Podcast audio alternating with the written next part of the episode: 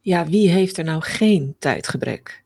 Maar ondanks je tijdgebrek is het goed om te bedenken dat content marketing vooral goed werkt als je consistent bent. En dus is het handig om ook in periodes van grote drukte content te blijven publiceren. In deze aflevering van de Content Divas podcast wil ik je drie manieren geven waarmee je in korte tijd content kunt maken die nog effect heeft ook.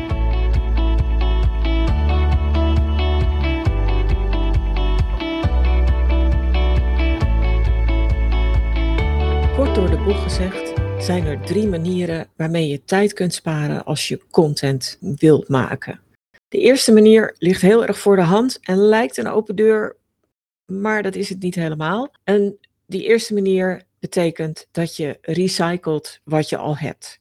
Alleen zeg ik dan altijd, doe dat wel met beleid. En ik kom daar zo nog op terug. De tweede manier die je kunt inzetten om tijd te sparen met contentcreatie, is dat je gaat verbeteren wat nog net niet goed genoeg is. Dus dan kijk je ook naar je bestaande content, maar naar de content die nog onderpresteert of die beter zou kunnen. En de derde manier is dat je succesvolle social media berichten onder de loep neemt en dat je die als startpunt gebruikt. En ik wil die drie manieren graag nog wat toelichten. En misschien gaat het al een beetje stromen bij je en krijg je al ideeën en dat je denkt, oké, dat kunnen we doen. Maar ik denk dat sommige manieren nog wel wat toelichting kunnen gebruiken. Die eerste manier was recycle wat je al hebt. En in de aller, allereerste aflevering van de Content Divas podcast die ik ooit gepubliceerd heb, besprak ik de waarde van je content sweet spot. En dat was niet voor niets de eerste aflevering. Want hier ligt echt het goud als je bestaande content wil gebruiken.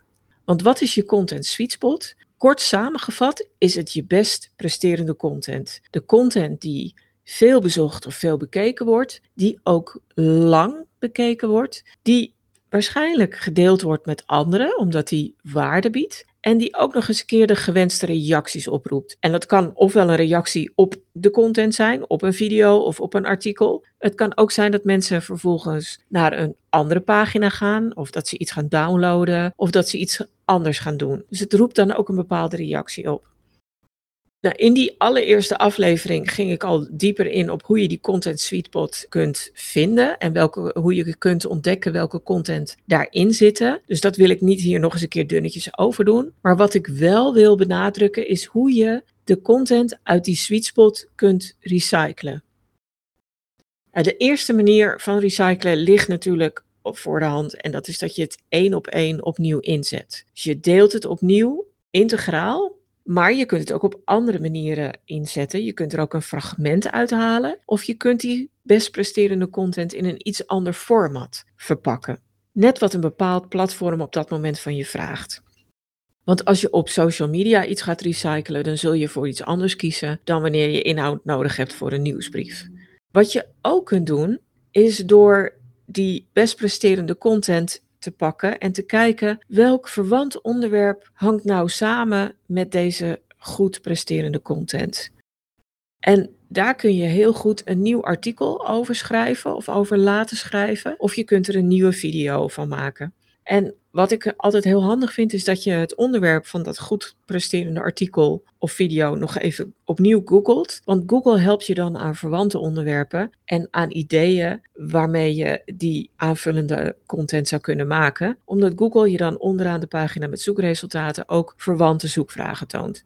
Althans, dat doet het bijna altijd wel. Dat kan je een idee geven. Maar je kunt natuurlijk ook vanuit je eigen kennis en expertise en de inzichten die je hebt over jouw bedrijf gebruiken om een verwant artikel te maken.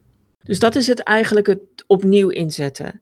Het integraal opnieuw delen of er een stukje uitpakken, of, of het in een nieuw format gieten. Dus dat je van een artikel een video maakt. Of dat je naar verwante onderwerpen gaat kijken, die heel mooi een vervolg kunnen bieden op die goed presterende content. Want als het ene artikel goed presteert, dan is het logisch dat een verwant artikel dat waarschijnlijk ook gaat doen. Althans, dat is een redelijke verwachting. De tweede manier is dat je naar je content kijkt die nog net niet goed presteert. En in de Content Sweetspot noem ik dat altijd de, de serie artikelen of, of, video's op je website die daar nog net onder die goed presterende artikelen zitten.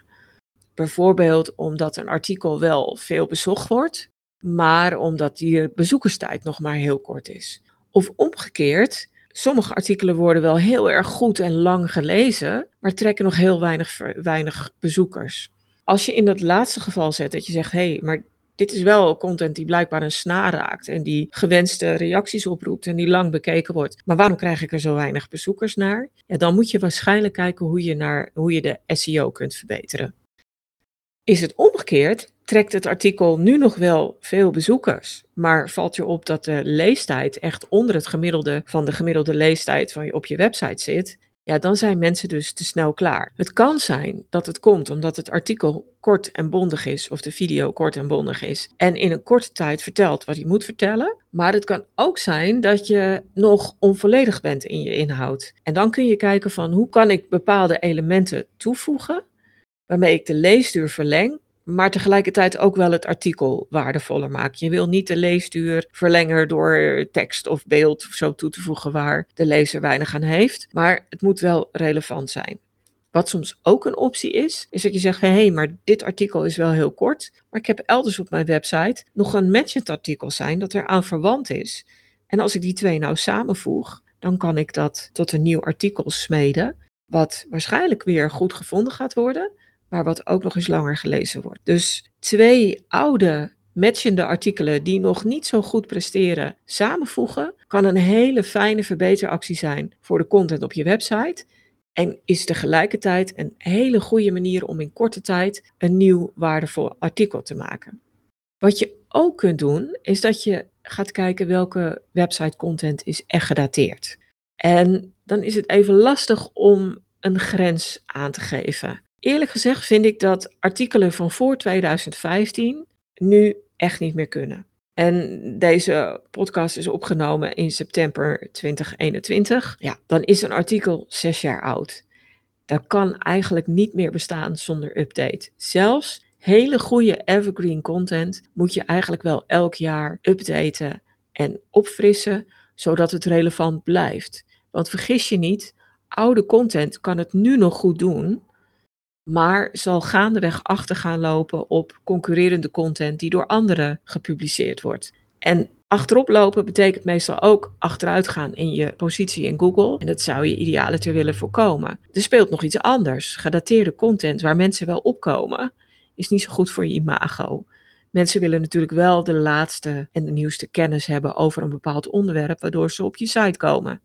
Dus eigenlijk vind ik dat je die lat nog veel hoger zou kunnen en misschien wel moeten leggen dan 2015. En misschien moet je wel kijken van ja, wat is ouder dan twee jaar? Daar kun je over twisten natuurlijk. Misschien zeg jij wel, ja, in mijn vak is één jaar relevanter of in mijn vak is drie jaar relevanter. Daar kun je dus over twisten. Maar ik zou zeggen van leg die lat eigenlijk best wel hoog en kijk voortdurend welke content is ouder dan twee jaar en welke content kan ik opfrissen en inhoudelijk verbeteren en weer helemaal actueel maken? Nou, hoe kun je dan die content updaten en beter maken? Ik heb een paar hele simpele verbeteracties op een rijtje gezet. Allereerst kun je kijken naar de afbeeldingen. Zijn die nog helemaal passend? Zijn dat echt de beste afbeeldingen die bij de strekking van het artikel uh, horen? Maar sluiten ze ook nog helemaal aan bij de rest van de beeldtaal op je website? En vaak zie je dat een website progressie maakt, maar de wereld maakt ook progressie. Dus dan ga je iets andere beeldkeuzes maken. En het kan zijn dat een ouder artikel nog oude beeldkeuzes bevat die niet meer helemaal aansluiten bij de beeldkeuzes die je nu gebruikt of die je doelgroep nu aanspreken. Dus ik zou die afbeeldingen dan checken en kijken van hey, kan ik daar wat beter mee doen? Wat ook echt een belangrijke verbeteractie is, is dat je naar de datumvermeldingen in het artikel kijkt. Dus mogelijk staat er een datum boven het artikel en mogelijk wordt die ook getoond in de Google zoekresultaten. Dat is één ding, maar vaak heb je ook dingen benoemd in het artikel. Ja, en hoe gedateerd zijn die? Dus op het moment dat je nu verwijst naar een onderzoek of naar iets wat gebeurd is in 2016, dan is dat best wel gedateerd. En dan kun je kijken of er een recentere versie is. En dat geldt ook voor onderzoek of andere bronnen naar je, waar je naar verwijst. Kloppen die nog wel? En zijn dit echt de beste bronnen voor dit moment? Dus kijk of je naast de data ook onderzoeken en andere bronnen waar je naar verwijst kunt verbeteren en kunt verversen, zodat ze weer helemaal actueel zijn en ook actueel voelen voor de bezoeker van die webpagina op je website. En wat je dan ook meteen kunt doen, is checken of alle links het nog wel doen. Kloppen ze nog wel? Welke links lopen inmiddels dood? En ook daarvoor geldt van ja, als je een dode link ziet, kun je die dan niet meteen repareren en voorzien van een relevantere, actuelere link. Een simpel voorbeeld daarvan is, uh, is een actie die ik eerder deze week op mijn eigen website deed. Daar stond een artikel over het maken van een omslagvideo op Facebook. En ik gaf daar tips en voorbeelden van. En dat artikel werd echt al een paar jaar goed gelezen en goed bezocht. Ondertussen was het erg gedateerd en wel om twee redenen. Allereerst waren de voorbeelden wat achterhaald, maar de tweede reden was eigenlijk veel erger. En namelijk dat Facebook eerder dit jaar ineens de omslagvideo had geskipt. Daar is geen bericht over geweest, maar websites die een omslagvideo bovenaan hun bedrijfspagina hadden staan, die zagen ineens dat er alleen nog maar een stil uit die video getoond werd op het moment dat je op desktop keek. En op mobiel werkte de video in principe nog wel, maar kon je hem niet meer vervangen door een actuelere video. Nou ja, dat betekende dat mijn artikel daarover natuurlijk ook gedateerd was, want ik ging daar niet op in. Ik had nog steeds leuke voorbeelden en suggesties staan hoe je met content een hele mooie omslagvideo voor Facebook kon maken. Dus ik heb dit artikel deze week meteen opgefrist. Ik heb een alternatieve benoemd. Ik heb opnieuw voorbeelden benoemd en, en, en, aangegeven hoe je daar met content toch op in kan springen op het feit dat die omslagvideo niet meer bestaat. En ik heb ook meteen een betere call to action toegevoegd. Want dat is ook een leuke verbeteractie. Bij een oud artikel staat bijna altijd een oude call to action, terwijl je ondertussen waarschijnlijk al een ander aanbod hebt of een andere download hebt of nou ja, iets, iets anders waarvan je zegt, hé, hey, dat past veel beter. Dus dit zijn vrij simpele verbeteracties waarmee je een oud artikel een enorme opfrisbeurt kunt geven. En dat gaat echt veel sneller dan een nieuw artikel maken. Maar je doelgroep, je publiek kent dat oude artikel waarschijnlijk helemaal niet. En dan is het een hele snelle contentcreatieactie. De, de laatste manier betekent dat je naar je successen op je social media kanalen gaat kijken. Welke berichten deden het daar nou echt goed? En daar bedoel ik mee dat ze leuke reacties kregen, of meer deelacties kregen, of meer kliks kregen, of meer verkeer naar je website genereerden dan het gemiddelde artikel of de gemiddelde bericht wat je op social media plaatst. Daar kun je echt fijne dingen mee doen. Want ook social media berichten moet je natuurlijk blijven delen. Dus naast de content op je website kun je ook social media berichten hergebruiken en opnieuw benutten voor een snel nieuw gemaakt social media bericht. Je kunt het natuurlijk integraal opnieuw delen. Als het bericht al wat ouder is, bijvoorbeeld al een jaar geleden gepost is, dan kun je het best nog een keertje doen. Je kunt ervan uitgaan dat toen niet je hele doelgroep en je publiek of je volgers of je fans het al gezien hebben. Dus dat is niet erg. En ook mensen die het toen al wel gezien hebben, ja, die vinden het over het algemeen niet erg om een oude bericht nog een keer te zien. Want het raakte toen een snaar en waarschijnlijk raakt het nu opnieuw een snaar. Want we hebben allemaal dat we berichten zien dat we denken, oh ja, dat is leuk, dat is handig, dat is fijn. En vervolgens gaan we over tot de orde van de dag en dan vergeten we het weer. Dus ook voor die mensen is het een hele fijne opfris kennisgeving. Wat je ook kunt doen is dat je ziet van hé, hey, maar dit bericht was succesvol op Twitter, op Facebook, op LinkedIn of op Instagram. Je kunt het natuurlijk ook op een ander platform delen. Dan moet je wel kijken of je volgers op dat andere platform wel hetzelfde willen. Misschien willen ze net iets anders. Of misschien vraagt het andere platform net iets anders. En dan zou je de insteek of de specificaties of de vormgeving van het bericht net iets kunnen aanpassen. Maar je kunt het heel goed op een ander platform nog een keer gebruiken. Je kunt het ook in een andere vorm gieten. Dat ligt wel, is wel verwant aan het ook delen op een ander platform. Want een ander platform vraagt misschien net iets anders om ook daar succesvol te zijn. Maar een succesvol social media bericht kun je ook delen als een Twitter draadje. Dus een serie van een aantal tekstberichtjes, al dan niet voorzien van videootjes en, en fotootjes achter elkaar, tot een Twitter draadje als je actief bent op Twitter. Je kunt een social media bericht misschien verbouwen tot een lange staande visual. Of tot een beeldcarousel, of tot een korte video of een reel. Heel vaak kun je berichten ombouwen naar een ander format.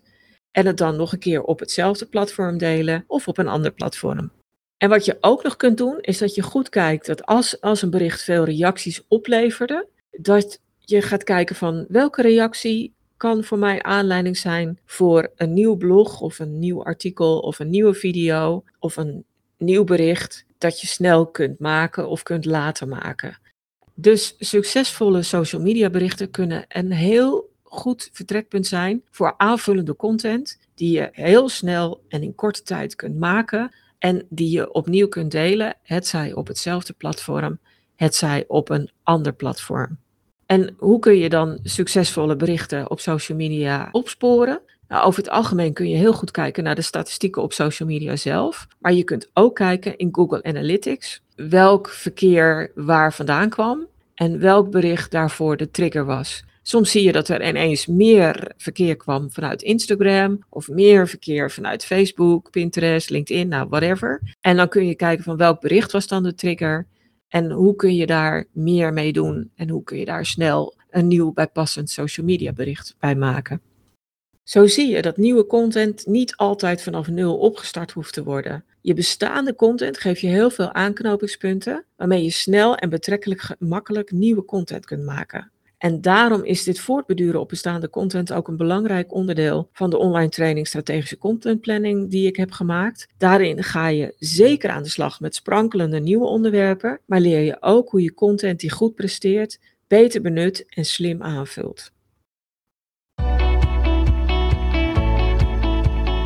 Dankjewel voor het luisteren. Voel je zeker vrij om deze aflevering van de Content Divas podcast met anderen te delen als je denkt dat dit van pas kan komen. En heb je zelf een handige tip of inzicht opgedaan met deze aflevering, dan hoop ik dat je een review wil achterlaten. Heb je nog meer vragen, zoek je meer informatie? Neem dan zeker een kijkje op de website. Die vind je op stroop.nl met dubbel S. En daar vind je natuurlijk ook die handige content kennisbank waar je allerlei gratis checklists, stappenplannen, handleidingen en nog veel meer kunt vinden.